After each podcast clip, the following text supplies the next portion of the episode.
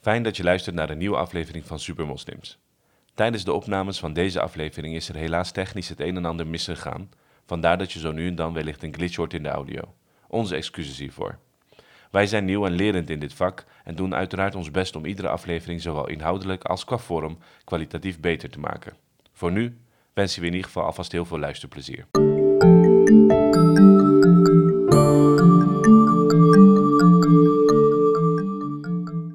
Welkom bij de Super Moslims podcast. We zijn inmiddels bij de derde aflevering. Mijn naam is Kothar, naast mij zit Halil en vandaag hebben we niet één, maar twee supermoslims in de studio. Het is hier uh, een en al superpowers. We hebben hier um, Handenoer en Omeima. En beide zijn ontzettend actief in het studentenleven, uh, binnen verenigingen en ook gewoon uh, toffe studenten die mooie dingen doen. Daar gaan we zelf straks over vertellen, maar voor we dat gaan doen, zijn we natuurlijk benieuwd naar jullie superpowers.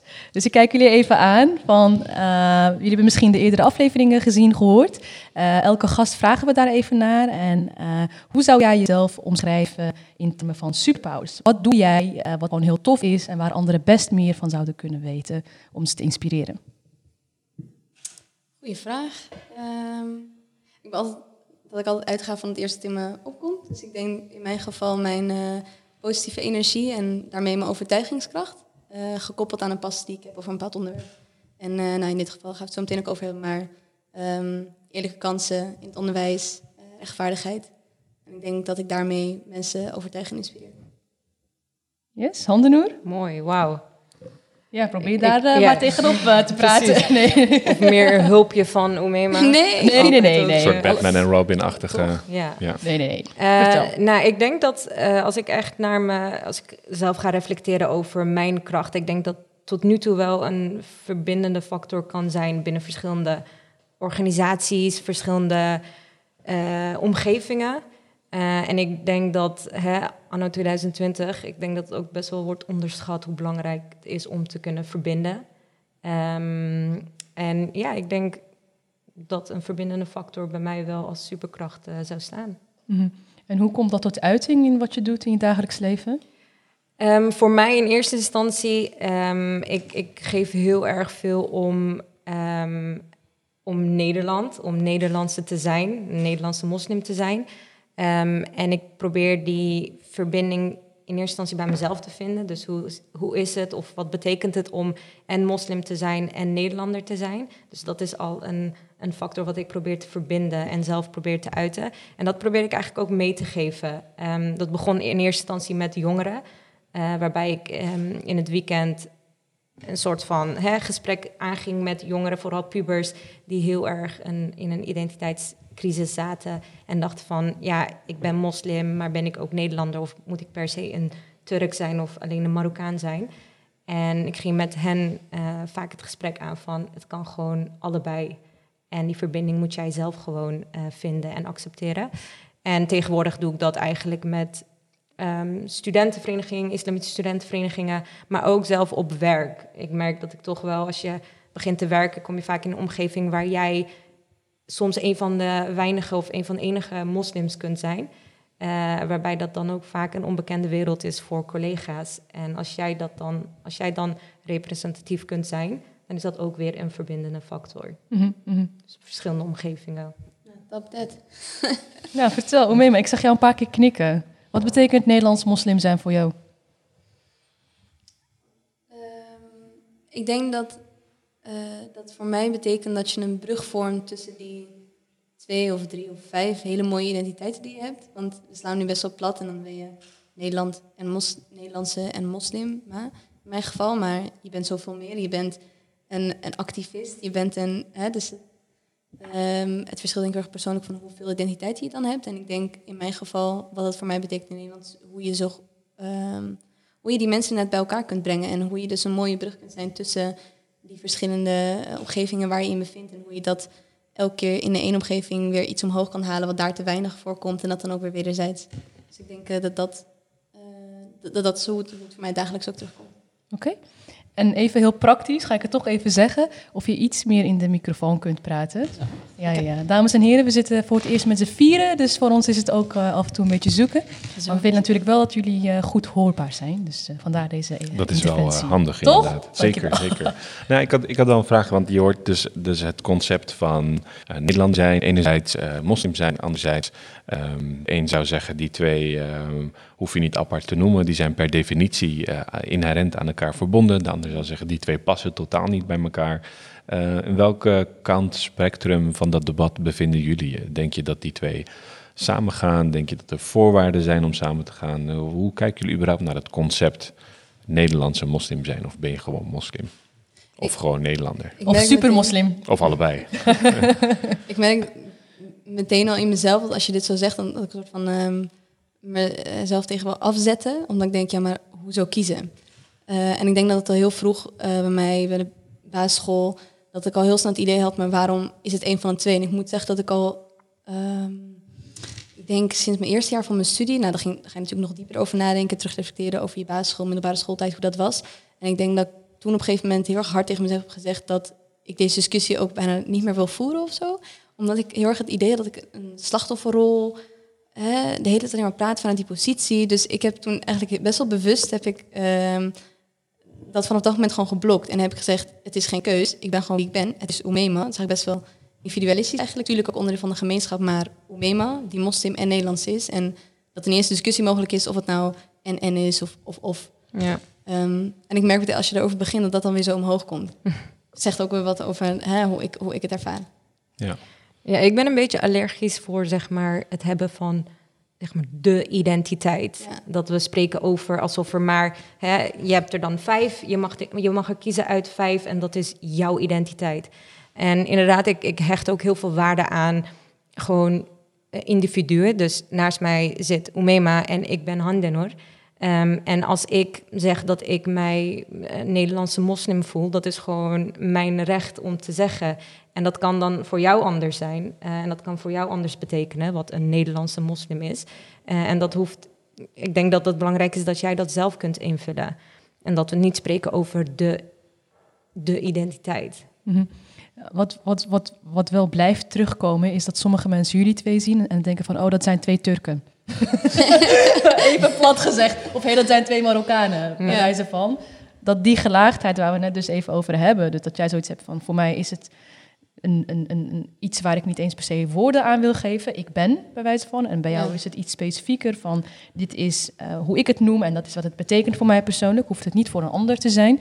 Maar tegelijkertijd, deze zoektocht of, of deze zelfontwikkeling, mm -hmm. um, dat, dat wordt niet per se altijd zo gezien.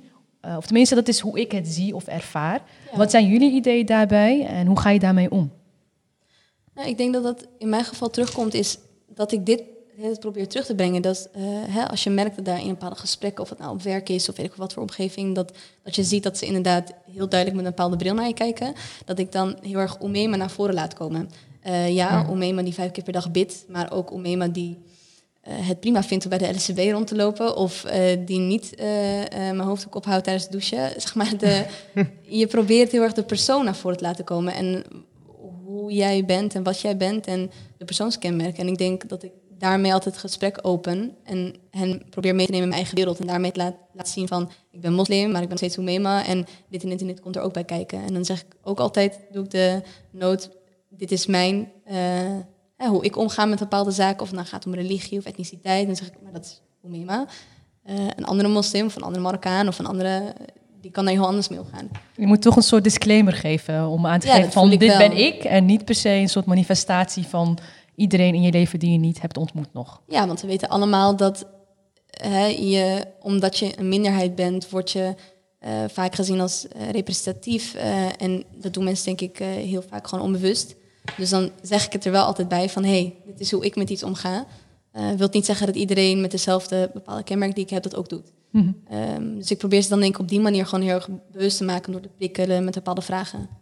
Ja. Dit gaat dan heel erg over um, um, de ander bewust maken. Dus, dus de, zo van, uh, hè, dit is wie ik ben en hoe ik me uit. Dat, dat staat niet per definitie uh, garant voor hoe de groep zou zijn. Ja.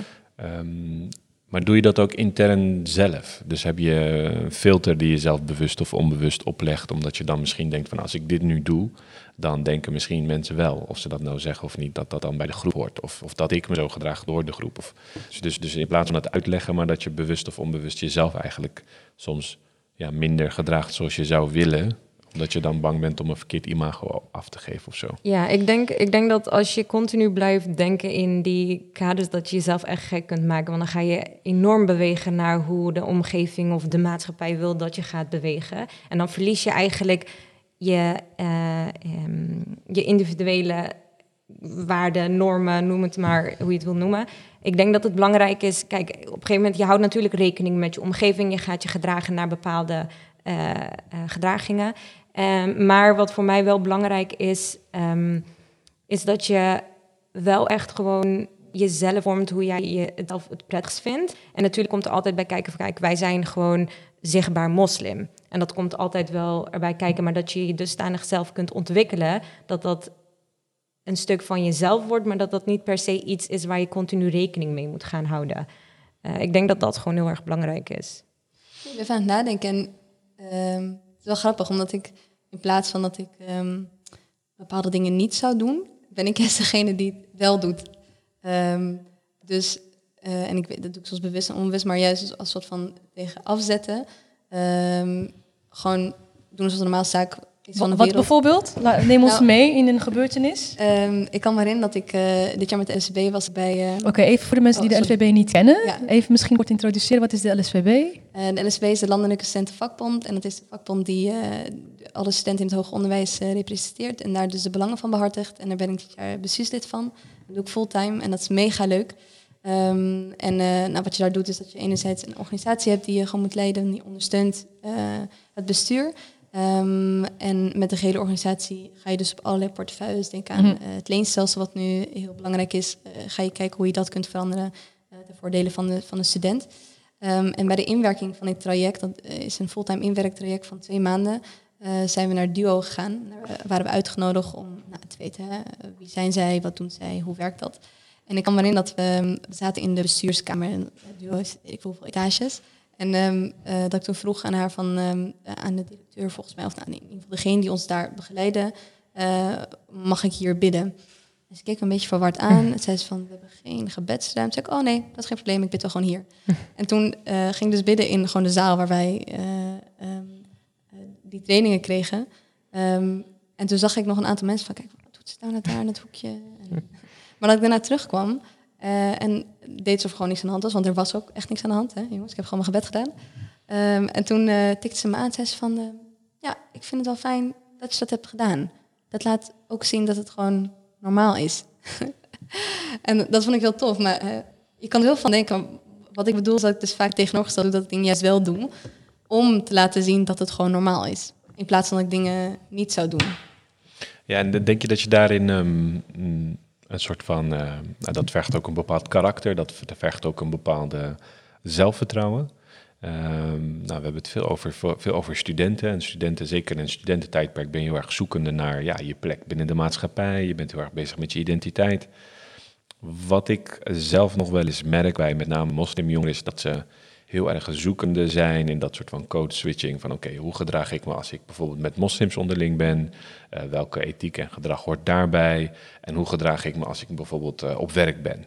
En uh, wat is dan wel toelaatbaar? En dan merk ik ook soms dat ze in die zin zich anders gedragen, dat ook hetgene wat ze wel en niet toelaatbaar vinden, ook switcht in context. En dat levert bij mij altijd in die zin een soort van, um, ja, je zou kunnen zeggen dat ja, een soort mini-persoonlijkheidsstoornis of zo. Dus als je met elkaar bent, dan uh, ben je misschien wat vromer soms in sommige gevallen, of, of men gedraagt zich vromer en dan ben je in een andere context en dan kunnen dingen wel of zo. Uh, en dan denk ik van ja, is dat oké? Okay? Is dat gewoon bij wijze van de flexibiliteit die je in deze maatschappij hebt? Of is het juist niet de vrijheid hebben nog om 100% jezelf te kunnen zijn? In beide contexten. Ja. Maar misschien wil je ook zo binnen de, zeg maar, wat islamitische groep zijn waar je mee chillt of hangt of wat dan ook. Ja.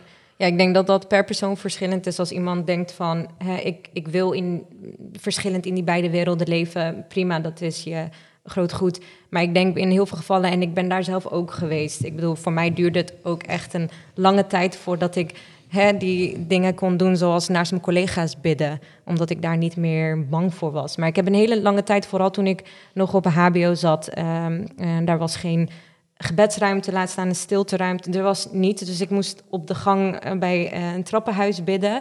En ik was continu, eh, we mogen alle mijn gebeden eh, accepteren, maar ik was continu bezig met, oké, ik hoor voetstappen, iemand gaat me zien en ze gaan denken, wat doet zij nou? Ging je Of- toen ook zoals die reclames ineens een yoga-positie ja, aannemen? bijvoorbeeld. dat ik iets hoorde en dat, dat ze dacht van, wat doe jij nou? Yoga? Ik liet net iets vallen. Precies.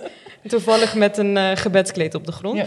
Eh, maar dat duurde voor mij ook echt wel een jaar of twee, drie, totdat ik kon zeggen. En dat, ik denk dat dat ook. Wat was de angst, Handenoer? Wat, wat, wat maakte dat je je niet veilig genoeg voelde om aan te geven van... hé, hey, dit is Handenoer en Ja. je hebt mij leren kennen. En part of the deal is ook dat ik af en toe drie minuten wegga om een gebed te voeren. Ja, ik denk op een gegeven moment. Ja, ik weet niet precies wat de angst was op dat moment. Want je gaat je langzaam aan het ontwikkelen. Dus je kunt echt niet eh, je vinger op de zere plek zetten. Maar ik denk dat het een mix is tussen. Ja, hoe ga ik het uitleggen? Gaan ze het wel begrijpen? En ook in een combinatie tussen. Ik wil gewoon niet raar gezien worden. Ik wil, ik wil gewoon een onderdeel zijn van. Eh, en ik wil niet continu de moslim zijn of dat Turks meisje. Ik wil wel gewoon als een collega worden gezien en als Handenor. En ik denk dat dat gewoon een combinatie is van... ehm, ja, ik ben wel een hele lange tijd zichtbaar moslim, dus ik draag al heel lang een hijab. Eh, maar alsnog wil je zo min mogelijk opvallen. En op, gegeven, op, op een gegeven moment, toen ik gewoon de dingen deed die ik wilde doen, merkte ik ook dat het helemaal niet raar werd gezien. Maar die stap zetten duurde wel heel erg lang. En voor mij was het, om terug te komen op wat jij zei van, voor mij was het wel echt een struggle. En ik voelde ook op een gegeven moment mezelf ook wel hypocriet dat ik thuis wel op tijd mijn gebeden kon doen en buiten soms dat ik een gebed ging, moest missen omdat ik in eerste instantie geen plek had om te bidden en niet durfde te vragen of ik ergens kon bidden. Eh, maar op een gegeven moment toen ik er echt niet meer mee kon leven, dat ik dacht van ik vind het echt vervelend, probeerde ik die stap te zetten. Maar ik denk dat het ook een factor was van mijn eigen omgeving die gewoon mij heel erg ging stimuleren tot eh, die stap kunnen zetten. Ik denk wat heel interessant is, is dat ehm, ik vind het vooral zonde. Kijk, zeg maar, als, als jij. Zonde als in niet haram, toch? Maar gewoon Oh. zonde. ja, die zonde. Over code switching gesproken, weet je wel. Ehm, is dat ik denk dat er heel veel eh, eh, potentie verloren gaat als je steeds switcht. Als je dat vervelend vindt. Hè? Even aannemen dat er misschien ook mensen zijn, vast wel, die dat gewoon Ja. echt fijn vinden op die manier. Maar even vanuitgaan dat er mensen zijn die het vervelend vinden dat ze het moeten switchen. Want in mijn geval heeft het mij juist, hebben, die, hebben diezelfde groepen waarin ik het lastig vond om mezelf te zijn, me juist geholpen om mezelf te zijn. Klinkt een beetje ingewikkeld, maar Ja. Ehm, dat juist bij, nou, ik, ik kwam voor het eerst in aanraking met de islamitische studentenverenigingen. En de mensen die daar rondliepen, ik dacht, wow, er is gewoon een wereld met mensen zoals ik. En die dezelfde ambities. En nou, het was, ik kan me herinneren, dat was, het was echt heel bijzonder. Toen een openbaring voor je. Ja, ja, letterlijk. Echt, toen begon We zijn met meer. Ja, Volgens sommigen met te veel, maar Ehm, en doordat ik juist in aanraking kwam met, met die mensen waar ik onder andere andere handen heb leren kennen en eh, heel veel andere dierbare mensen die ik nog steeds omheen heb, eh, die hebben me juist gemotiveerd of eh, geïnspireerd om juist degene te zijn die ik nu ben. Dus bijvoorbeeld mijn gebed gewoon uitvoeren op een plek waar er niet per se een stilteruimte is. Dat is echt iets wat ik, wat ik van haar heb gehaald. Waar ik daar geïnspireerd door ben. En aan de andere kant ook weer nou, dingen die ik dan nu leer of die ik ontwikkel in juist omgevingen die niet per se islamitisch zijn, eh, neem ik weer mee naar die andere groepen. Zo zie ik dat het juist mij helpt om. En, en over, over, over niet-islamitisch gesproken, hè, want ik, ik neem aan dat, ehm, kijk, voor sommigen is hetgeen wat jij vertelt, klinkt heel logisch. Dat gaat heel erg over jezelf zijn, dat gaat heel erg over je, je plek claimen binnen de, binnen de samenleving. En eigenlijk zeggen van, nou, dit is gewoon een onderdeel van wie ik ben, bij wijze van drie minuten of eh, tien minuten op een dag. De, de andere zoveel minuten ben ik gewoon eh, zoals iedereen. Maar je hebt natuurlijk ook een deel in de samenleving, en die discussie voeren we ook constant, die zegt van, nou, weet je, in een neutrale omgeving of in een werkomgeving of op een hogeschool, ehm, zou daar geen ruimte voor moeten zijn. Hoe, hoe kijken jullie naar dat neutraliteitsargument? Hè, ik bedoel, ehm, men zou zeggen van, nou, de school hoort een neutrale plek te zijn. En op het moment dat we gebed en zo toe gaan staan, ja, dan is het geen neutrale plek meer. Eh, dat gaat deels ook over wat wel en niet past bij Nederland, et cetera. Bij Nederlander zijn. Ehm, ja, hoe gaat deze generatie daarmee om? Hoe zien jullie dat uh, bij jezelf, maar misschien ook bij studenten om je heen? Welke discussies vinden daarover plaats? Ik vind in eerste instantie heel erg krom dat er wordt gezegd dat een onderwijsinstelling neutraal moet zijn. Want ik bedoel, dat is juist de periode van je leven dat je zoveel mogelijk uit jezelf zou moeten halen. Uh, zoveel mogelijk jezelf zou moeten ontwikkelen.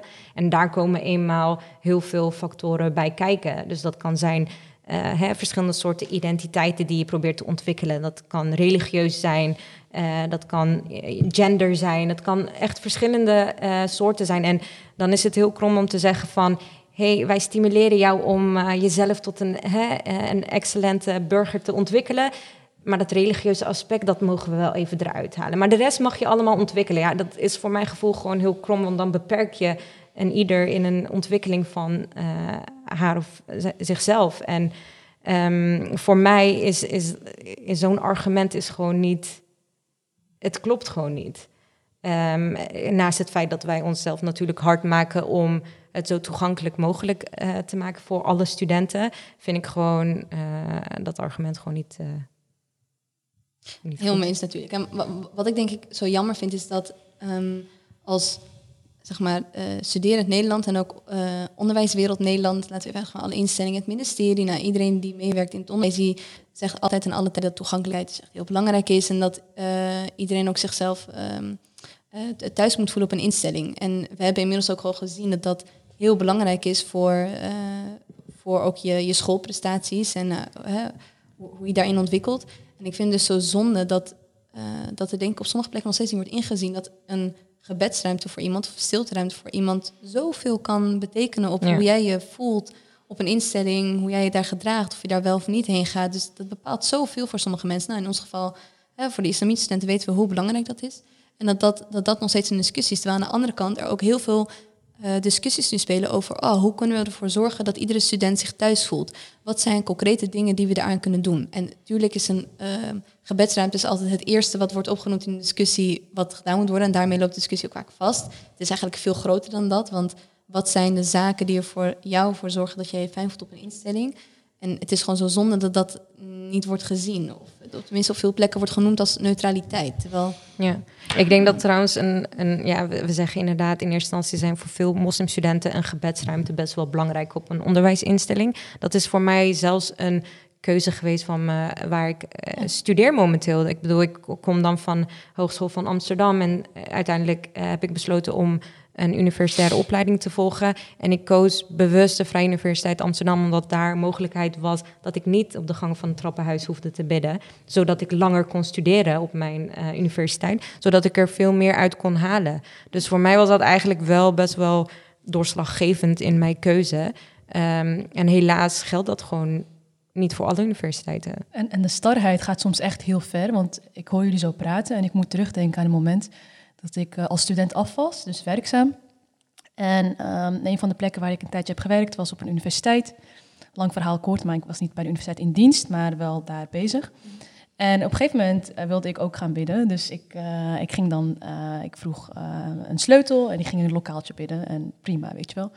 Maar dat heb ik toen een paar keer gedaan. En toen was er op een gegeven moment zoiets van: nee, nee, nee, je kunt de sleutel niet meer krijgen. Want um, uh, het is niet goedgekeurd door de directie en mm. we moeten een officiële toestemmingsbrief voor jou uh, regelen. En dus iets heel simpels als even naar de receptie een sleutel ophalen, in een leeg lokaal bidden, niemand storen en dan weer teruggaan, werd opeens iets heel groots. Ja. En toen had ik echt zoiets van, waar gaat dit over? Want het ja. gaat niet eens meer over iets eh, het gaat niet eens over verandering of iets heel groots willen uh, veranderen in de instelling. Soms, soms is het gewoon puur even een plek om je eigen ding te doen. En ik vond het nog best wel heftig dat ik dacht van, zijn we hier nog steeds niet, zeg maar? Ja, ja. Na al die gesprekken en discussies is het zo'n moeite om even een sleutel te geven. Maar dat is ook wat ik zo lastig vind in deze discussie, is dat um, het direct zo wordt platgeslagen en direct wordt gelinkt aan hele principiële uh, meningen. En ik denk, inderdaad, een sleutel voor drie minuten. That's it heb, jij een heel, heb je heel veel aan. En dat, dat vind ik zo lastig, is dat we nog steeds naar dit soort moeilijke discussies moeten voeren over dit soort onderwerpen. Ja, en tegelijkertijd, want, want ik weet dat ik er, tenminste, ik sta hetzelfde in, maar ik, ik hoor ook al gelijk mensen zeggen van ja, maar um, het begint met een stilteruimte. En daarna gaan de mannen en de vrouwen gescheiden zitten in de lokalen. En dan dit en dan dat. Dus die, er is een soort van angst ergens.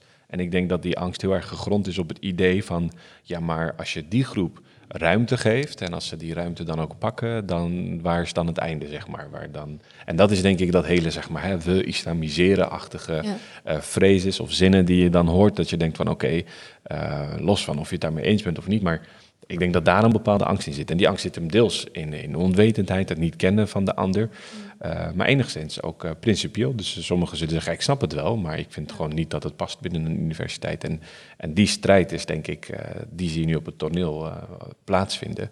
En de vraag is, ja, welke ruimte hebben we hierin? Want er zijn ook net vele zinnen als, hè, moslimstudenten willen dit enerzijds, maar ja, er zijn natuurlijk ook moslimstudenten zelf die dingen zeggen als, nou, bidden doe ik thuis. En universiteit is voor dit en dat. Dus ook daar binnen dat discours is er natuurlijk heel veel meningsverschil. En ja, hoe, ga je om met een groep die ehm, dit potentieel ziet, met name als eh, ja, een angstbeeld of een soort van war of civi- civilization, in de zin van eh, als we dit toestaan, ja, waar is dan de grens? En eh, zijn we dan niet gek bezig met z'n allen in Nederland?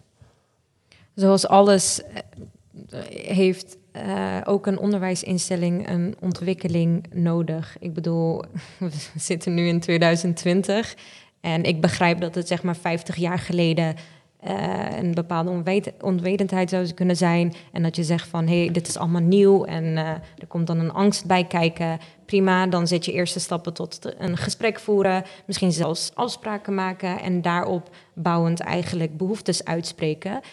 We zijn nu al, zeg maar, en, en voor zelfs eh, 50, 60 jaar geleden bestond zelfs nog steeds wel moslims in Nederland. Maar nu hè, is het een wat grotere groep. Ehm, en ik denk dat we daar voorbij zijn dat we zeggen van hè, onwetendheid, wat moeten we doen en dit past hier niet in. Nou ja, misschien is het tijd om onszelf gewoon met z'n allen te ontwikkelen. Ik bedoel, als je naar geschiedenis kijkt van de universiteiten, waren ze 100 jaar geleden ook niet echt hoe ze nu zijn. Ze, ze ontwikkelen zich op heel veel vlakken en het mag ook wel echt wel op zo'n vlak. En het is prima als je angsten hebt, maar goed, misschien is het tijd om je angsten uit te spreken en in gesprek te gaan. En dan heb je inderdaad heel veel verschillende partijen. Ene zegt van, ik bid thuis en dat is ook prima. Maar er zijn ook heel veel geluiden die zeggen van, ik wil gewoon een optimale gebruiken van mijn universiteit. En het is nu eigenlijk genoeg geweest om te zeggen dat er angsten zijn. En het is gewoon tijd om die gesprekken aan te gaan. En dat proberen we nu ook echt te stimuleren onder de studentenverenigingen. Ehm, want ik ben dus dit jaar ehm, voorzitter van MSA Nederland. MSA Nederland is een, een koepelorganisatie voor islamitisch ge- geïnspireerde studentenverenigingen. Ehm, en daar kunnen dan studentenverenigingen lid eh, van worden. eh, waarvan tien al nu eh, door heel Nederland lid zijn van ons. En op één studentenvereniging na merken we dat heel veel studentenverenigingen kampen met de relatie in eerste instantie met de universiteit. eh, om die gesprekken aan te gaan over hè, gebedsruimtes of stilteruimtes of gewoon ruimtes waar studenten hun gebed kunnen verrichten. En wat we gewoon heel vaak te horen krijgen is, want wij proberen deze studentenverenigingen te eh, helpen in hun ontwikkeling. En daarbij komt ook een relatie met de universiteit bij te kijken. En heel vaak geven ze dus aan van, universiteit staat gewoon niet open voor een gesprek. Maar tegelijkertijd spreken ze wel heel makkelijk en mooi hun angsten uit. En ik denk dat dat gewoon een punt is waar we nu klaar mee moeten zijn. Dat we denken van, oké, het is prima dat er angsten zijn, maar laten we dan dat gesprek aangaan. En kijken wat de En, wat als zijn. het gesprek niet mogelijk is? In welke zin? Dat eh, sommigen willen geen gesprek, Dan moet je het afdwingen op andere manieren. zoals? Ehm, zeg maar, nu ik wel eens bezig ben, merk ik dat je bij een instelling... Hè, dus ik kom van een studentenvereniging... waar ik de... Ik ken de structuren van de universiteit of van een hogeschool niet zo heel goed. En nou, nu ben ik achtergekomen wat de waarde is van een medezeggenschap... wat de waarde is Mm. van een lokale vakbond binnen de universiteit. En je ziet dat je via andere wegen, bestaande wegen... van je uni- universiteit toch bepaalde zaken zou kunnen afdwingen... en daar een punt van kun- kunnen maken. En daar is de medezeggenschap voor. Of daar is een lokale vakbond voor. En die heb je op bijna elke hoger onderwijsinstelling in Nederland. Dus ik denk dat we nu ook op het punt zijn, daarom ben ik ook blij met de samenwerking tussen MSA en, en NSCB, dat we elkaar daarin kunnen versterken om te kijken van hey, hoe kunnen we bepaalde punten maken. En dat is natuurlijk ook een gebedsruimte of een stilteruimte, maar het zijn nog meer punten. Ja. Komt er niet inderdaad op neer dat bepaalde discussies, die hoeven niet meer te voeren, of in ieder geval op de manier hoe we dat afgelopen jaren hebben gedaan. Alhoewel ik moet wel van kanttekening maken dat ik wel het idee heb dat we ehm, positieve ontwikkeling maken, omdat we nu steeds meer gaan van in de onderwijswereld eh, van studiesucces naar studentsucces. En er is steeds meer aandacht voor de Hmm. student zelf, studentenwelzijn, burn-out, eh, eh, mindfulness, zeg maar. Dat allemaal is wel een discussie en het, leeft ook echt wel binnen de hoger onderwijsinstellingen. En je ziet dat dit er ook steeds meer aan begint te, te raken. Dus ook uh, nou, de thuisgroep en instelling is toch wel echt belangrijk. En hoe kunnen we dat voor elkaar krijgen? Dus ik heb het idee dat er ook wel steeds meer begrip voor komt. Alleen, ik heb soms toch het idee, en dat kan ik best wel mooi zien vanuit de LSP, dat er bepaalde uh, pionnetjes elkaar nog niet hebben gevonden. En dat die, als die samenkomen, dat die elkaar heel goed zouden kunnen helpen hierin. Dus ik denk dat dat is wat nodig nu is. Dat de juiste mensen aan elkaar linken. Ja, en een grote verantwoordelijkheid. Kijk, we, hè, dit gesprek lijkt wel te gaan alsof het per se een stap is vanuit de universiteit of een onderwijsinstelling die het gesprek moeten voeren. En hè, vanuit het perspectief van uh, zelfkritiek of zelfontwikkeling uh, vind ik ook wel dat uh, over het algemeen moslimstudenten wat actiever mogen zijn. Ik, ik merk soms wel toch wel een, een passievere houding onder moslimstudenten. Dat het gaat inderdaad, zelfs bij hen gaat om studiesucces. En dat ze heel erg gefocust zijn op, hey, ik wil mijn bachelor halen of mijn masters halen uh, met mooie cijfers en that's it. En tijdens mijn studentenperiode gaat het mij vooral om hè, dat ik mijn ouders bijvoorbeeld als het ware trots kan maken. Maar dan denk ik van, hè, bijvoorbeeld, eh, dat merken wij ook eh, bij lokale studentenvereniging, dat vacatures bijna nooit eh, helemaal gevuld zijn omdat we die studenten niet kunnen vinden, of zo'n mede, medezeggenschapsraad en dergelijke. En dat ik denk van, oké, jongens en meisjes, waar zijn wij dan? Wij moeten die stap zelf ook kunnen zetten. Uh, en dat vind ik ook wel kwalijk. Dus het is echt niet van ene kant dat we zeggen van... hé, hey, maar de universiteit neemt nooit een stap naar ons. Wij moeten ook die stap kunnen nemen. Wat ik, wat ik wel ook hierin zie is... Um, ik ben het enerzijds echt met jou eens... en anderzijds denk ik ook wel van... Um, ik denk dat we zeker de, deze zelfkritiek moeten hebben... met daarbij oog voor de andere uitdagingen die er ook zijn. Ik weet nog een keer was ik met, een, uh, met iemand in gesprek... en die zei ook, uh, als je een persoon van kleur bent... En je, je gaat zeg maar zonder kleerscheuren door de instituties heen. Je overleeft het bij wijze van. Dan heb je al heel wat bereikt. Omdat je dus als individu heel veel te maken hebt met uh, tegenslagen op persoonlijk vlak. Uitsluiting, discriminatie. Je gaat op zoek naar een stage, het lukt niet. Um, je hebt misschien een docent die wat uh, discoursen op je afvuurt bij de geschiedeniscursussen uh, die gewoon niet meer relevant zijn of niet meer kloppen.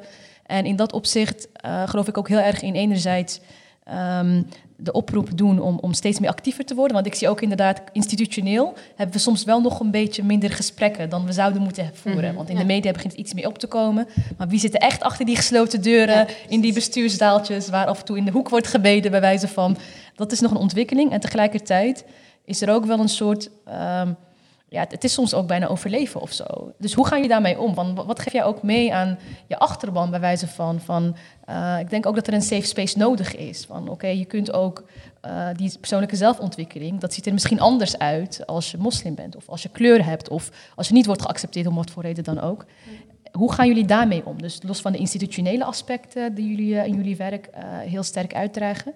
is er ook oog voor dit soort zaken? Ik denk... Um als ik even zo snel nadenk over mijn, uh, mijn studententijd op, uh, op de Haagse Hogeschool en in Leiden Universiteit, wat mij heel erg heeft geholpen is dat ik uh, altijd een soort van safe space had waar ik even terug in kon gaan. Dus dat was dan voor mij naar de Islamitische Studentenvereniging of ik heb ook lang bij de Game Change Academy ben ik actief geweest.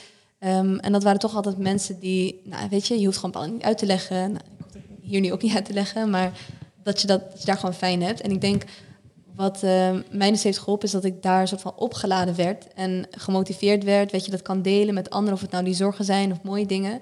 Waardoor ik uh, weer genoeg energie had om dat te doen op andere plekken, waar het misschien wat lastiger is. Want ik, zeg maar, nu klinkt net alsof ik allemaal hè, mooie bloemetjes bij wel, Terwijl ik het ook, ook gewoon best wel lastig heb gehad. Vooral toen ik de overstap ja. maakte van de Haagse Hogeschool naar Leiden Universiteit. In de eerste twee, drie maanden had ik het, dacht ik echt, wat doe ik hier? En ik heel bewust had ik niet gekozen voor een VU. Om, eigenlijk wilde ik dat wel. Maar ik ja, er moet iemand zijn die een universiteit Leiden ja. daar dan misschien makkelijker gaat maken voor de mensen die hierna komen. Um, Want even voor de mensen die niet in Amsterdam of Leiden wonen. Ja. Wat is het verschil tussen VU en Leiden als je daar de instelling binnenloopt? Voor mij persoonlijk is uh, op de VU voel ik me meteen thuis. Gewoon omdat uh, het is lekker multicultureel. Uh, je, kent, je kent natuurlijk dan al, al, veel mensen omdat je dan al in bepaalde kringen zit. En op Universiteit Leiden had ik dat aan de ene kant helemaal niet. Want ja, dat was gewoon helemaal nieuw. Um, en anderzijds is het gewoon nog best wel ouderwets, corporaal. Het, het, is een echte studentenstad met nou, heel veel van nou, oude studentenverenigingen waar jij het dan weer niet in herkent. En ik denk dat die zaken ervoor zorgen dat ik in de eerste twee maanden wel dacht van... kan ik nog teruggaan naar de VU of UvA en zal ik dat nog doen? En gelukkig heb ik uiteindelijk wel een plek gevonden... dat ik dan ook weer hè, eigen mensen heb leren kennen en, en, en ook weer leuke vrienden heb gemaakt. Ehm, maar ik denk wat mij daar doorheen heeft geholpen is dat ik dus die safe space had. Want toen zat ik al bij Maastricht, de islamitische studentenvereniging van, uh, of de vereniging die uh, islamitisch is geïnspireerd van Den Haag. En ik denk dat doordat ik dat had en die connecties had, kon ik altijd soort van teruggaan naar een fijne en veilige plek. Dus als ik iets zou meegeven aan iemand die nu ja, door een lastige periode gaat of dat, of dat zoekt, dan zou ik zeggen, zoek alsjeblieft een plek op waar jij, uh, zeg maar, je hoeft niet altijd alleen te zijn en die pijn alleen te, te, te hebben of ook, je blijheid. Zoek vooral mensen op bij wie je, in wie je herkent en met wie je dat kunt delen om vervolgens weer verder te kunnen gaan. Ja, ik denk dat dat echt heel erg belangrijk is wat je daar zegt. Van dat het, eh, we hameren natuurlijk in het begin van het gesprek hadden we het over de identiteit bestaat misschien niet en ik ben een individu. Maar het is natuurlijk hartstikke belangrijk om ook een uh, collectief te zijn. Dus dat je ook wel gewoon mensen in je omgeving hebt waar je het een en ander mee kunt delen. Uh, en ik had dat, bij mij begon het al op de basisschool, hè, toen ik op een islamitische basisschool zat. Daar was ik Handinur en niet dat Turks meisje dat altijd lekkere dingen meeneemt van thuis, als het ware. um, en op middelbare school zat ik dan op een vrij witte school, maar het was een hele alternatieve middelbare school, heel creatief. Dus daar heb ik mezelf ontwikkeld in theater en daar hadden we heel veel beeldende kunstwerken en um, Um, en dat heeft ook heel erg veel bijgedragen aan mijn ontwikkeling. En vervolgens op uh, eh, HBO zag ik inderdaad, hè, ik zat dan in een vriendenomgeving waar het heel erg ging over etniciteit. En, en hè, dat is dan een periode waarin je je ontwikkeling probeert, of waarin je je eigen ik probeert te vinden. En ik merkte toch wel dat het voor mij belangrijker was dat ik uh, moslim ben dan dat ik Turkse roots heb. En dat veranderde bij mij inderdaad ook toen ik op de Vrije Universiteit kwam, waar uh, ik meer in een diverse uh, moslimsgemeenschap kwam, moslimstudentengemeenschap. En toen vond ik het inderdaad heel erg belangrijk om ook mensen te hebben waar je heel veel mee kunt delen. Want dat maakt je hoe dan ook sterker in je eigen ontwikkeling. Um, en ik kon daar ook best wel vinden van, hey, dit vind ik heel erg tof, dit vind ik minder tof, dit is wie ik wil zijn. Uh, maar alsnog wel gewoon waar blijven voor je, zeg maar, stay true to yourself. Uh, en dat proberen te ontwikkelen. En dat kon inderdaad bij mij, in mijn geval, wat ik heb gedaan is, uh, en dat, dat ik van huis uit ook heel erg meegekregen is, um, dat we heel vaak uh, de Koran erbij pakten en daarover gingen reflecteren en dat echt probeerden toe te passen in de huidige situatie. En dat maakte je ook wat sterker. Begon je sterker in je schoenen te staan. Dat, heb ik, dat concept hebben we eigenlijk met een paar meiden ook naar universiteit gebracht. Dat we elke week, één avond in de week, dat we versen van tevoren gaan voorbereiden uh, vanuit hè, een uh, exegese van een geleerde. En dat, dat we daarover gaan reflecteren en gaan praten. en dat zorgt ervoor inderdaad dat je wat zelfverzekerder gaat zijn over wie jij bent. En dat je echt de Koran in je leven kon toepassen.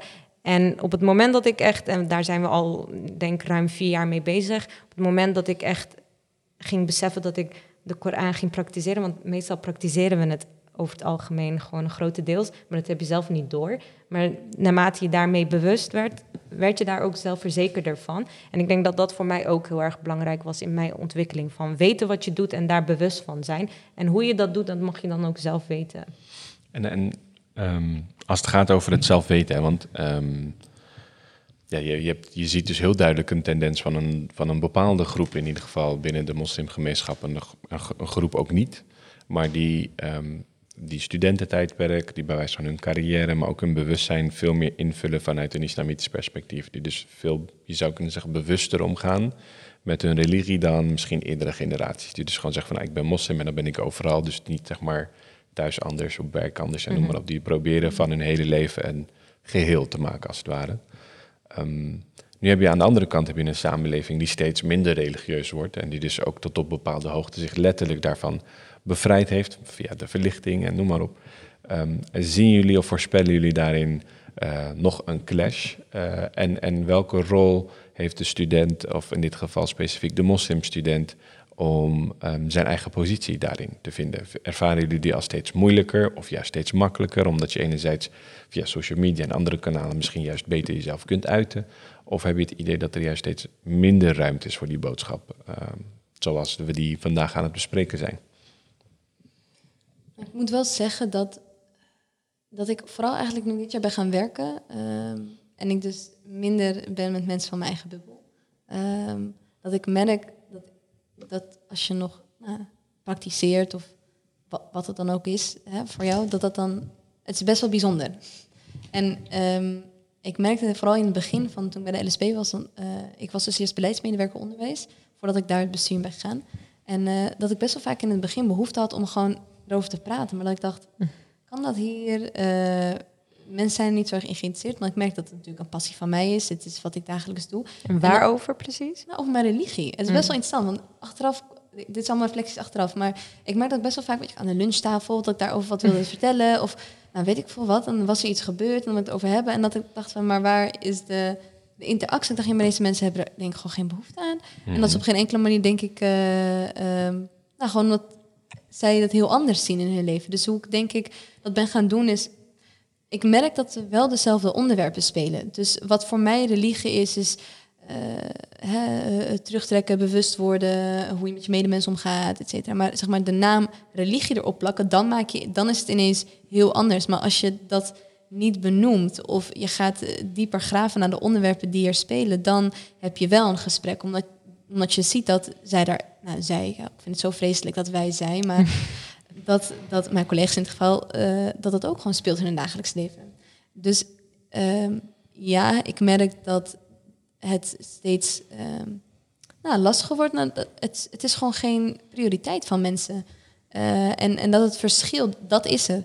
Ehm, maar aan de andere kant, ja, dan ben ik omdat ik oplossingsgericht ben, hoe ik het, hoe ik het denk ik ermee omga, is, eh, ik ben het niet meer gaan labelen. Dus ik ben heel erg direct dan, ben ik onbewust al gaan kijken van wat zit daaronder en wat is dus kennelijk hetgene waar ik behoefte aan heb om over te praten. En dat is dan hetgeen wat ik dan bespreek.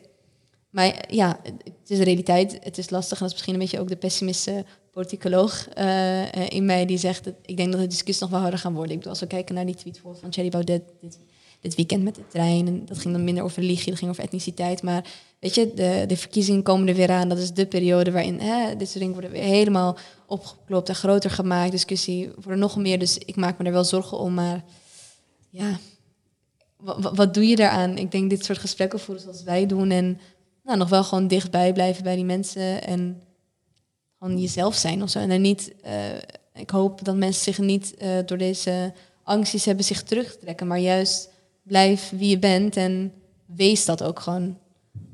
Mijn collega's hadden in het begin juist dat ze me gingen eh, overvallen met heel veel vragen. En dat bedoelden ze allemaal heel erg goed en heel oprecht. En na een tijdje begonnen ze hè, hun zinnen steeds met... Ja, Handenor, sorry, maar hè, ik wil dit heel graag nog weten. En ik zei ook van, excuseer je niet, vraag gewoon. En we hebben gewoon dat gesprek. En eh, dus op een gegeven moment zeiden ze ook niet meer, eh, sorry, maar... En nu zegt ze, hey Handenor, hoe kijk jij hier naar of hoe zit dat nou? En dat gesprek aangaan is echt super fijn. Want ik, ook sinds dit jaar werk ik dan hè, bij IMC Weekendschool in Rotterdam-Zuid. En dat is dan voor mij eigenlijk ook de eerste keer sinds mijn studentenperiode... dat ik uit mijn islamitische bubbel ben eh, gestapt. Wat overigens ook heel fijn is. Die bubbel van hè, eh, je islamitische omgeving kan heel erg fijn zijn... maar er te lang in zitten kan dat ook eh, jou heel erg beperken. Dus ik, ik vind het ook hartstikke fijn om met niet-religieuze collega's momenteel... eh, of niet-moslim collega's momenteel te werken... Zelfs dat we gewoon gesprekken hebben van, uh, hè, dan hadden we het over uh, vergaderingen die ik dan, teamvergaderingen die ik dan ging leiden. En dat ik zei van, oh grappig, in, in eerste instantie bij een islamitische studentenvereniging zou ik beginnen met een ayah, met een vers uit de Koran. En dat mijn collega dan omdraaide, shout-out trouwens naar mijn collega, dat is echt top. En dat zij echt omdraaide en dat ze zei van, zou je dat de volgende keer anders willen doen? Laten Mooi. we dat uh, een keer gaan delen. En dat we elke week een keer zelf met iets komen. En dat ze ook zei van, hebben jullie ook toevallig iets zoals een kinderkoran? Misschien heel gek hoor. Maar die gesprekken, is, het is super hartverwarmend en super leuk. En nu weten ze ook na een aantal maanden dat ze mij ook echt letterlijk alles kunnen vragen. Maar dat geldt natuurlijk ook niet voor iedereen. Ik denk dat zij gewoon heel erg hebben aangevoeld van... hé, hey, Handenor kan ik wel gewoon alles vragen... En dat is prima, dat hoeft ook niet voor iedereen te gelden. Maar ik, ik vind zulke gesprekken vind ik gewoon echt heel erg mooi. Ja, nee, ik, ik zit te denken terwijl je dat vertelt. Want um, enerzijds, want ik, ik ervaar die rol ook vaak. Dat, dat, dat, dat, dat je, ja, het is een soort compliment dat mensen zich veilig voelen bij je om dat soort vragen te kunnen stellen. Tegelijkertijd vind ik het altijd heel leuk om met labels te spelen. Dus dan denk ik, ja, wat nou als ik als man zijnde naar bijvoorbeeld een, uh, uh, je zou kunnen zeggen, witte Hollandse. Ik zeg even Hollands, want Nederlander reken ik mezelf ook toe. Maar de Hollandse cultuur is niet iets waar ik per se ben in opgegroeid. Maar dan ga ik naar een witte Hollandse vrouw en dan ga ik elke keer iets vragen over... Ja, trouwens, hoe zit dat nou bij Hollandse vrouwen? Mogen jullie bijvoorbeeld, weet ik veel, daten met een moslimman? Of uh, mogen, jullie, mogen jullie als uh, witte Hollandse vrouw, weet ik veel, ook uh, appels eten? En mag je ook, nou, vragen die heel stom klinken, ook terwijl we zo praten, denk ik... Ja, wat nou als ik dat dan gewoon iedere week een vraag zou hebben of zo? En dan denk ik, ja, hoe normaal zouden we dat vinden? Of hoe, hoe oké okay zou iemand dat vinden? Mm -hmm. En hoe hebben we dat als moslimgemeenschap zeg maar, genormaliseerd? En terwijl ik dat zeg, ben ik me er bewust van dat ja, het is heel normaal dat soms mensen vragen hebben, zeker over dingen die misschien wat verder van je afstaan. En anderzijds voelt het elke keer toch wel van, hmm, ik ben niet helemaal blijkbaar nog de norm of ik hoor er niet bij en ik besef me ook dat ik dat niet ben. Maar ja, ergens is dat toch een innerlijke clash of zo. Dat je Ja. denkt, van, ja, enerzijds wil ik het wel, enerzijds wil ik het niet. Anderzijds Ja. is het ook heel islamitisch juist om eh, heel geduldig, eh, barmhartig, uitleggend te zijn. Dat hoort bij je religie. Maar dan denk ik, ja, ergens zo ben je een soort van activistisch en dan heb je zoiets van, nou, ik wil gewoon geen antwoord geven. Ja. Of, eh, En soms denk je van, Blijf- blijf hey, lekker er is iets heel tofs, dat heet Google. ja, Ja. Weet je? vraag maar Sheikh Google of zo. Ja. Nee, nee, maar oprecht, ik vind het ook een hele interessante vraag. Want dit gaat ook over eh, de verantwoordelijkheid. Hè? Wiens verantwoordelijkheid is het? En Ja. wat accepteren we wel, wat niet? Hoe lang gaan we deze gesprekken nog voeren? En wanneer zeggen we van, hé, hey, we zijn er klaar mee, bij wijze van, ook als een soort statement. En het, is ook een vraag die mij nog steeds bezighoudt, bij wijze van. Maar ik merk wel dat het... ehm, er is ook een soort van eh, self-education. Ik heb ook zoiets van, er is ook zoiets als je huiswerk doen.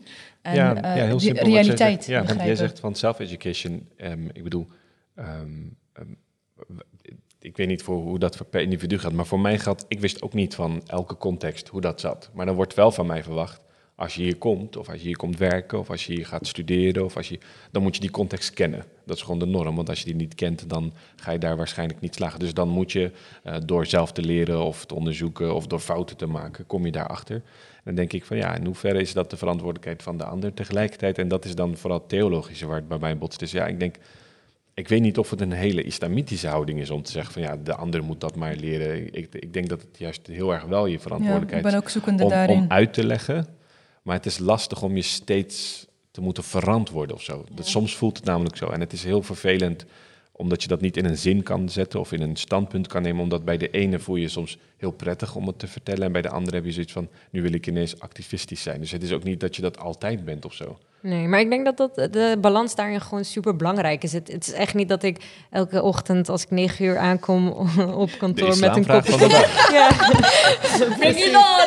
precies. Nee, dat ze dan met z'n vieren daar zitten te wachten van... Heel, heel het weekend over nagedacht op maandagochtend. Precies. Nee, want ik, ik denk dat daar de balans gewoon hartstikke belangrijk in is. Want ik krijg eigenlijk veel meer vragen over mijn persoonlijke leven van wie ben jij als handinner. En ik denk dat dat gewoon heel waardevol is. En dat ze echt oprecht interesse in hebben van hoe mijn relatie is met, hè, weet ik veel, mijn ouders waar ik het een beetje te veel over heb. Of dat ik... ehm eh, hè, Shout-out naar je ouders. Shout-out naar mijn ouders. Nou, de ouders. Eh, en, eh, of wat voor studie ik doe, waarom ik zo'n keuze heb gemaakt. Dat is echt wel in de meerderheid. Maar ik vind het gewoon, zelf omdat ik daar heel veel waarde aan hecht, vind ik het gewoon hartstikke leuk als ze met vragen komen.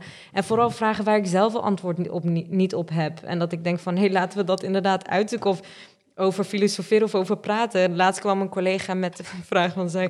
Ik weet eigenlijk dat het echt een hele stomme vraag is. Ik, ik moest toen al lachen. Ik dacht, ja, weet je, kom maar op. Dat ze zei van, ja, ik heb dus eh, een, een leerling en haar zus die draagt een, een hoofddoek. Maar ik zag haar laatst op social media en toen droeg ze geen hoofddoek. Hoe zit dat nou? En ik keek haar aan en ik zei, ik weet het ook niet. En weet je, dat zijn dingen waarvan ik denk van ja, daar ben ik echt niet verantwoordelijk voor. En daar hoef ik me echt niet voor te verantwoorden. En ik vind het juist grappig als ze zoiets aan mij vraagt. Want dan kunnen we er ook beide om lachen. En dat we denken van ja, mensen zijn eenmaal anders en zij doen wat ze wil. En dat hoeft niet per se gelinkt te worden aan. Maar als ze die vraag misschien niet had gesteld, dan zou ze misschien denken van hé, hey, dat is een link. En misschien kan ik dan Handen ook vragen van hé, hey, doe eens een keer op social media iets zonder hoofddoek. eh, dat ik je via daar misschien zonder hoofddoek zou kunnen zien. En eh, dat zulke gesprekken aangaan misschien ook gewoon hartstikke belangrijk is. Een balans vind ik wel een mooie, Ja. wat je ook Ja. al aangaf. Je hoeft niet altijd zin te hebben. En je mag lekker activistisch zijn soms. En soms... Niks mis met activisme Heel- trouwens. Die moet ik nu niks. even droppen. Zeker. Er wordt hier een high five gegeven. Hey, het is wel gewaagd om zo over activisme te praten. Met zo'n Nee, nee, nee. Ik ben, ik, ben, ik ben meer dan activistisch. Alleen de vraag Ja. is van, ja, wa- wa- wanneer, Nee, wanneer, ja, wanneer is Soms dat wil je ook gewoon lief zijn en zo. Het is het, je wil gewoon alles kunnen zijn. Ja, af en meer toe dan lief, af en toe... heb ik soms ook gewoon ja. geen zin of zo. Ja. dat. Want Ik herken het activisme, wel, activisme Mhm. kost ook altijd iets. Ja. Ehm, eh, zeker in deze tijd betekent activisme zichtbaar zijn. En, en met zichtbaarheid komt ook gewoon ja, heel veel bagger en shit die Ja. je over je heen Ja. krijgt. En dan denk ik van ja... Die gaan we niet wegpliepen. Nee, nee, nee. Gaan we gewoon erin houden, hè? we zijn real. Nee, weet je, dan denk ik van ja, weet je, dan, dan, dan, dan, dan, dan ben je out there, dan heb je een mening. En dan heb je heel veel, tegenwoordig ook anonieme trollen die over je heen eh, Ja. baggeren, whatever, hoe je het noemen wilt. En dan denk ik van ja, daar heb je soms gewoon geen zin in. En dan merk ik, dat is een soort zelffilter die je opzet, dat je denkt van ja, ik heb geen zin in deze strijd op dit moment, want eh, ik wil me bezighouden met mijn kids, ik wil me bezighouden met mijn werk of andere positieve dingen, Ja. die dan eigenlijk minder zichtbaar zijn omdat je, ja, je, je bent niet heel snel geneigd om elke dag te zeggen... kijk eens, eh, ik heb vandaag een hele goede werkdag gehad of whatever. Of ik ben een hele Eh, goede of vader ik vandaag ja, geweest. Weet je, Ja. dus dus dat, eh, dat gaat vaak over dingen waar je dan bewijs van tegen bent... of misschien heel erg voor bent. Het is vaak een stelling die je inneemt. Ja, dat, dat nodigt veel minder uit tot gesprek... maar veel meer tot een ja, soort van like of dislike.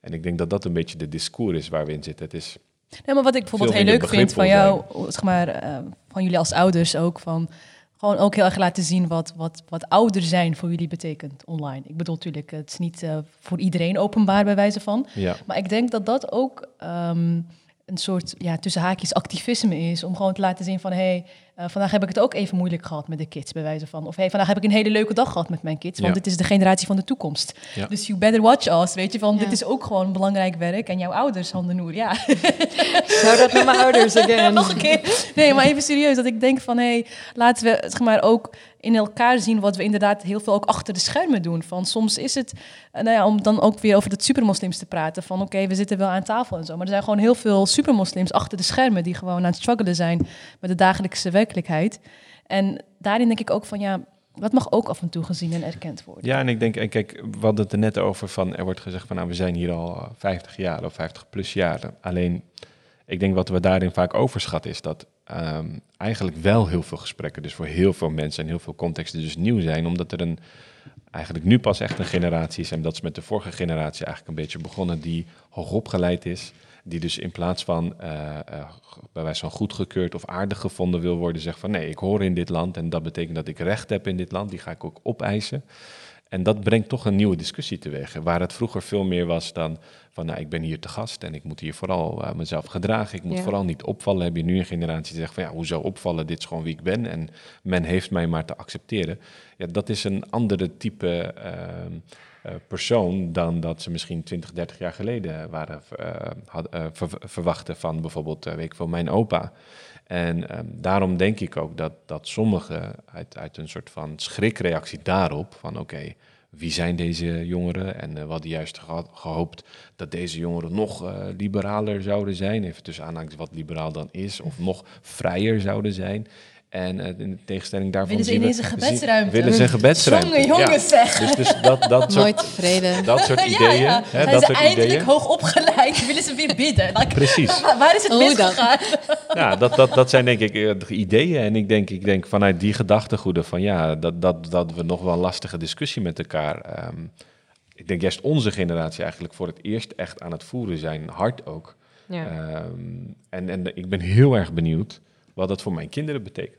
Ja. Zijn zij over twintig jaar zichzelf nog steeds aan het verantwoorden? Van nou, ik ben wel moslim, maar. En dan denk je van ja, hoezo die maar? Of waarom hebben we soms eh, ehm, het gevoel dat, om te moeten uitleggen, maar ik ben wel een goeie. Dus ik doe Mm. dit en dit niet. Of nou, ik ben niet zoals zij. Of, Mm. en je ziet dat ook, omdat sommigen zich bijvoorbeeld ook heel bewust gaan afzetten. Eh, je zag dat na Charlie Hebdo, je ziet dat soms na aanslagen, dan gaan mensen zeggen, dingen, zeggen dan dingen als niet mijn islam.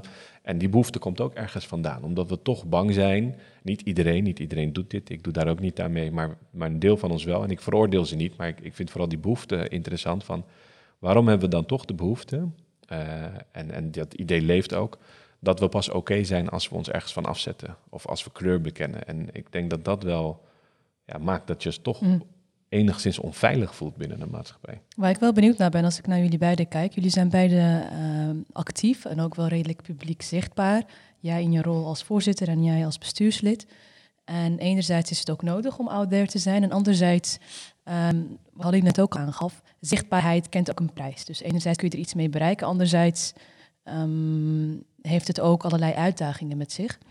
Hoe kijken jullie daar tegenaan? Hoe, hoe ga je daarmee om? Want heb jij bijvoorbeeld als voorzitter van MSA bijvoorbeeld soms het gevoel van hé, hey, laat ik dit maar wel of niet doen? Het hoeft niet heel precies te worden, maar juist omdat Mhm. we ook over identiteit hebben gesproken. En jij ook, Omema, van oké, ben ik nu hier de LSVB'er of ben ik dit of ben ik dat? En jij ziet het niet zo natuurlijk, maar tegelijkertijd, het is wel realiteit. Ja, zeker. Ik denk, ik denk zeker, kijk, ik heb best wel lang nagedacht voordat ik eh, eh, stap nam om deze eh, functie aan te nemen. Eh, of te solliciteren voor de functie. Eh, want er komt natuurlijk bij kijken van dat men jou gaat eh, plaatsen in het hokje van... oké, jij bent nu de voorzitter of het gezicht van MSA Nederland. Kijk, MSA Nederland is, het bestaat nog niet heel erg lang. Het is niet dusdanig, net als LSVB, zo erg in de media... dat ik denk van, oh, dat durf ik misschien niet aan. Het is ook niet dat wij hè, om de week ergens aan tafel schuiven. Waarom niet trouwens? Dat is een hele goede vraag. Nog nee, niet. nog niet. En maar jullie schuiven wel, nou, ik ga wel even wat credits hier geven, want ik zie wel dat om de week schuiven jullie wel aan bij de tafels van jullie eigen verenigingen. Dus intern, Ja, waar we het net ja, ook is over hebben gehad, er wordt intern hè. nog heel veel Ja. gewerkt Ja. en dat moet ook gebeuren, zeg Ja, maar. zeker. Dus En dat is- binnen als buitenstrategie zijn Ja, en dat. Voor is- de conservatief denkende over moslims is het natuurlijk ook super stoer dat je als vrouw zijn voorzitter bent van een Ja, moslim toch? eh. Ja. Nee, ik denk dat dat eh, vooral van deze generatie over het algemeen, daar heb ik echt geen last van gehad. En natuurlijk mijn voorganger, CM, voorzitter van eh, vorig jaar. Zij heeft echt het glazen plafond eh, gebroken daarbij. Maar ik denk niet dat er... Ja, er waren wel misschien wat kleine opmerkingen of dat het spannend zou kunnen zijn voor hè, mannen in de omgeving dat er dan een vrouwelijke voorzitter eh, was. Eh, maar ik denk dat daar best wel snel, vooral in deze generatie, dat je daar wel snel uit eh, kunt groeien. Maar, want over het algemeen is het niet eens een vraag die je stelt van... hé, hey, zou het wel, wel kunnen, zo'n vrouwelijk voorzitter? En in mijn geval, ja, ik heb tot nu toe... Ja, ik heb natuurlijk wel... Kijk, ik ben actief op social media. Ik, ik ben iemand die altijd wel langer nadenkt voordat ze iets post. En nu denk je dan nog e- één keer extra na. Van dat je denkt van, hé, hey, wil ik dit wel als MSA-voorzitter. En ik persoonlijk vind dat niet erg. Ik heb daar gewoon mee ingestemd dat ik dacht van als ik dit jaar voorzitter wil zijn van MSA Nederland, dan ga ik wel gewoon extra opletten. En ja, het is niet dat ik nu denk van ik heb echt helemaal eh, mijn eigen. Wat eh, post je niet meer? Nee, dat is dus momenteel niet echt het geval het niet aan geweest. Nee, nee, nee. Het is wel dat als ik iets post, dat ik denk van ik, ik wil gewoon er netjes mee omgaan. In mijn kaders wel. Dus ehm, ja, misschien heb jij daar zelf. eh, ik moet zeggen dat ik... ehm, ik vond zo ouderwets, ik heb geen Snapchat, Instagram, eh, Facebook en WhatsApp. Dat zijn eigenlijk de twee dingen die ik het meest gebruik. Maar, eh, zeg maar die strijd waar je het over had, dat had ik wel heel erg intern. Ehm, want voordat ik überhaupt ging solliciteren, heb ik wel echt heel, heel, heel lang nagedacht of ik dat wil. Omdat ik dan één oude die open ben. En dat is niet eens, want ik ben, ik ben secretaris, dus eh, ik, ik ben vooral ook lekker intern. En ik doe ook wel heel veel dingen buiten LSCB, maar dat is vooral bij het ministerie. Dus eh, Alex Tess, de voorzitter, zij is echt het gezicht van de organisatie. En dat is iets waar ik sowieso niet op heb gesolliciteerd. Eh, omdat ik, nou, het is gewoon niet mijn ding. Maar wat ik wel, ehm, wat ik wel heel erg had, is die cirkel inderdaad van, ik ga nu een jaar in, waarbij ik inderdaad intern het lastig ga hebben, dit soort vragen hebben. Ook zeg maar intern in Oemema eh, uitdagingen zal vinden, omdat ik in een hele andere omgeving vind. Ehm, en dat had ik wel echt heel erg. En mm, zeg maar, ik, ik heb me mentaal ook voorbereid, want ik dacht, dit wordt een zwaar jaar. Eh, enerzijds gewoon vanwege de baan. Het is fulltime, het is heel leuk, eh, maar het vraagt ook heel veel van je. Du- dus dat, maar vooral eigenlijk ook gewoon vanwege het mentale vlak. Omdat ik nu in een hele andere soort bubbel ga bevinden, waar ik me niet altijd thuis ga vinden, waarvan ik dat al wist van tevoren. Hè? Ehm, en ik denk, eh, wat mij heeft geholpen, is dat ik dat van tevoren ook, ik was er heel bewust van. Dat maakte überhaupt uit of ik wel of niet zou solliciteren. Maar toen ik er eenmaal achter stond dat ik het zou gaan doen, toen stond ik er ook echt helemaal 100% achter. Wat dus ook, eh, als je dan, als ik even de vertaalslag maak naar social media, dat ik, ehm nou, sowieso post ik niet zelf veel, maar als ik even kijk vanuit de organisatie waar ik wel eens wat van post, eh, of die wat over mij post, dan mag dat ook. Omdat mijn doel was ook juist Ja. die zichtbaarheid. ja, precies. Juist laten zien, enerzijds, wat is de LSCB? Omdat ik het idee heb dat nog steeds heel veel studenten niet eens weten dat er zo'n hele Ja. toffe organisatie is die voor hun belangen opkomt. Maar anderzijds, als je ook kijkt naar onze gemeenschap, die, die hier ook niet zich van bewust is, maar dat er wel zoveel mogelijk is. En dat aan de ene kant zoveel dingen oneerlijk zijn, maar aan de kant waar je zoveel aan kunt doen als student. En ik, mijn hele doel was dat zichtbaar maken. Dus toen ik eenmaal de keuze had gemaakt dat ik, dat ik dit wilde doen, toen ben ik ook echt vol 100% voor gaan. Ik dacht, ik, ik heb, zeg maar, eh, mijn, mijn doel was dat ik elke maand iets zou gaan posten en zou gaan vloggen om mensen mee te nemen achter de schermen. En zo. Nou, helemaal niks van gekomen natuurlijk. Ehm, maar eh, ik wilde juist, zeg maar, out in open om te laten zien, niet per se wie Omema is, maar vooral wat is er mogelijk? Wat zijn de dingen die je kunt doen? En wees er bewust van en sta, weet je, kom voor jezelf op. En dus ik wilde juist uh, heel erg naar buiten treden. En misschien is het juist ook belangrijk om dat stukje van jezelf te laten zien. Omdat heel veel studenten denken ook van... wow, voor MSA Nederland of voor zo'n studentenvereniging... moet je al heel veel weten of kunnen. Of nee, ik bedoel, Omema en ik waren echt uppies toen we elkaar ook hadden ontmoet. Toen we net in de wereld van studentenvereniging zaten. Ik weet nog dat we het gesprek hadden van dat, je, dat we het hadden over propedeuzen. En dat je überhaupt kon doorstromen. En met dat soort dingen waren we nog bezig terwijl we in besturen van studentenverenigingen. Van de bottom! nou, hier. Nou, lijkt een goede om af te sluiten, denk ik. Dat denk ik ook. Um, trouwens, ik, ik weet niet wie onder de tafel heel erg wiebelt, maar iemand is aan het wiebelen. Ben jij dat? Wie is aan het wiebelen? Iemand aan het no wiebelen. comment. Oké de luisteraar die hoort dat of voelt dat natuurlijk niet, maar ik dacht even, even commenten.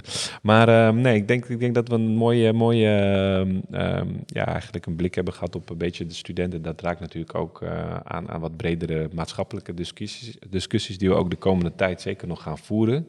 En die gevoerd gaan worden. Misschien. Zet de weg voor jouw kids. Uh, ja, wie weet. Ik hoop het. Ik hoop het. en misschien ja, wordt die door jullie gevoerd, misschien door anderen. en misschien ook in een hele andere context over een paar jaar. Dat weten we natuurlijk niet. Maar ehm, we gaan het actief volgen. Um, ik wil jullie in ieder geval hartstikke bedanken voor jullie, voor jullie komst. Ik wil ook voor deze podcast nog een aantal uh, mensen of instanties bedanken. Naar de linkjes, is wel leuk toch? Naar de linkjes? Ja, Hamnoer, ik zou MSA volgen. Ja, definitely. Online, absoluut, absoluut. MSA Nederland. Actief, ja. dit, dat. Dus check het even. Shout-out. En Omema, LSVB, ook ja, Instagram, overal. Facebook. Geen vlogs, komen die nog wel? Uh, misschien, misschien. Okay, ik, ik, wil een begin we maken. We hebben het opgenomen, hè? Oké. Okay. In okay. 2020. Oké, okay, cool. 2020. Nee, maar even serieus, echt uh, mooie werk wat jullie doen. Dus thanks daarvoor. Ja, Jullie dank daarvoor. En, en dan moeten we nog een paar andere partijen bedanken die deze podcast mogelijk maken. Allereerst natuurlijk Wij Blijven Hier. Check ook wijblijvenhier.nl als je nog meer verhalen over supermoslims wilt lezen en luisteren. En, en hele mooie tekeningen. En, en een aantal mooie wel even noemen. tekeningen wilt zien. Die zijn vooral op onze Instagram pagina te zien. Daar maken we hele mooie visuals die als het goed is straks een mooi archief zijn van allerlei supermoslims in Nederland. Omema en ik krijgen ook een cape, toch? Jullie krijgen ook een De hele reden waarom mensen meedoen ja. met dit, omdat dat is de enige reden. Of, of iets anders, maar Koutar andere mensen geen vleugels. Nou, dat, was ons geheim. uh, nou, dankjewel voor zover uh, spoiler, onderling vertrouwen. Spoiler alert. Goed, um, laten we snel afsluiten. En, en ik wil nog, voordat ik ga afsluiten, uh, Stichting Democratie en Media ja. bedanken die, die deze podcast mogen maken. En we zitten vandaag nog in een Arminius en dat is een mooie locatie ja. om deze podcast op te nemen. Dus uh, ik zou zeggen, luister vooral uh, nog. Uh, volgende week zijn we er weer niet. Waarom? Kijk jij nu naar mij? Omdat ik nog wil zeggen dat de vorige afleveringen ook zeker het luisteren waard zijn. Zeker weten. Dus mocht dit je allereerste aflevering zijn, omdat... Uh, Handenoer heel tof heeft geïnstagramd of omdat Omeme heeft gevlogd, weet ons vooral ook te vinden. We hebben hele mooie gesprekken gehad hiervoor met Raja en Mohadis vanuit verschillende perspectieven. En ja, het is gewoon, ja, ja, Like, subscribe. Laten we het daarop houden. ja. En nu zijn we echt klaar, denk ik. Tot over twee weken. Ja.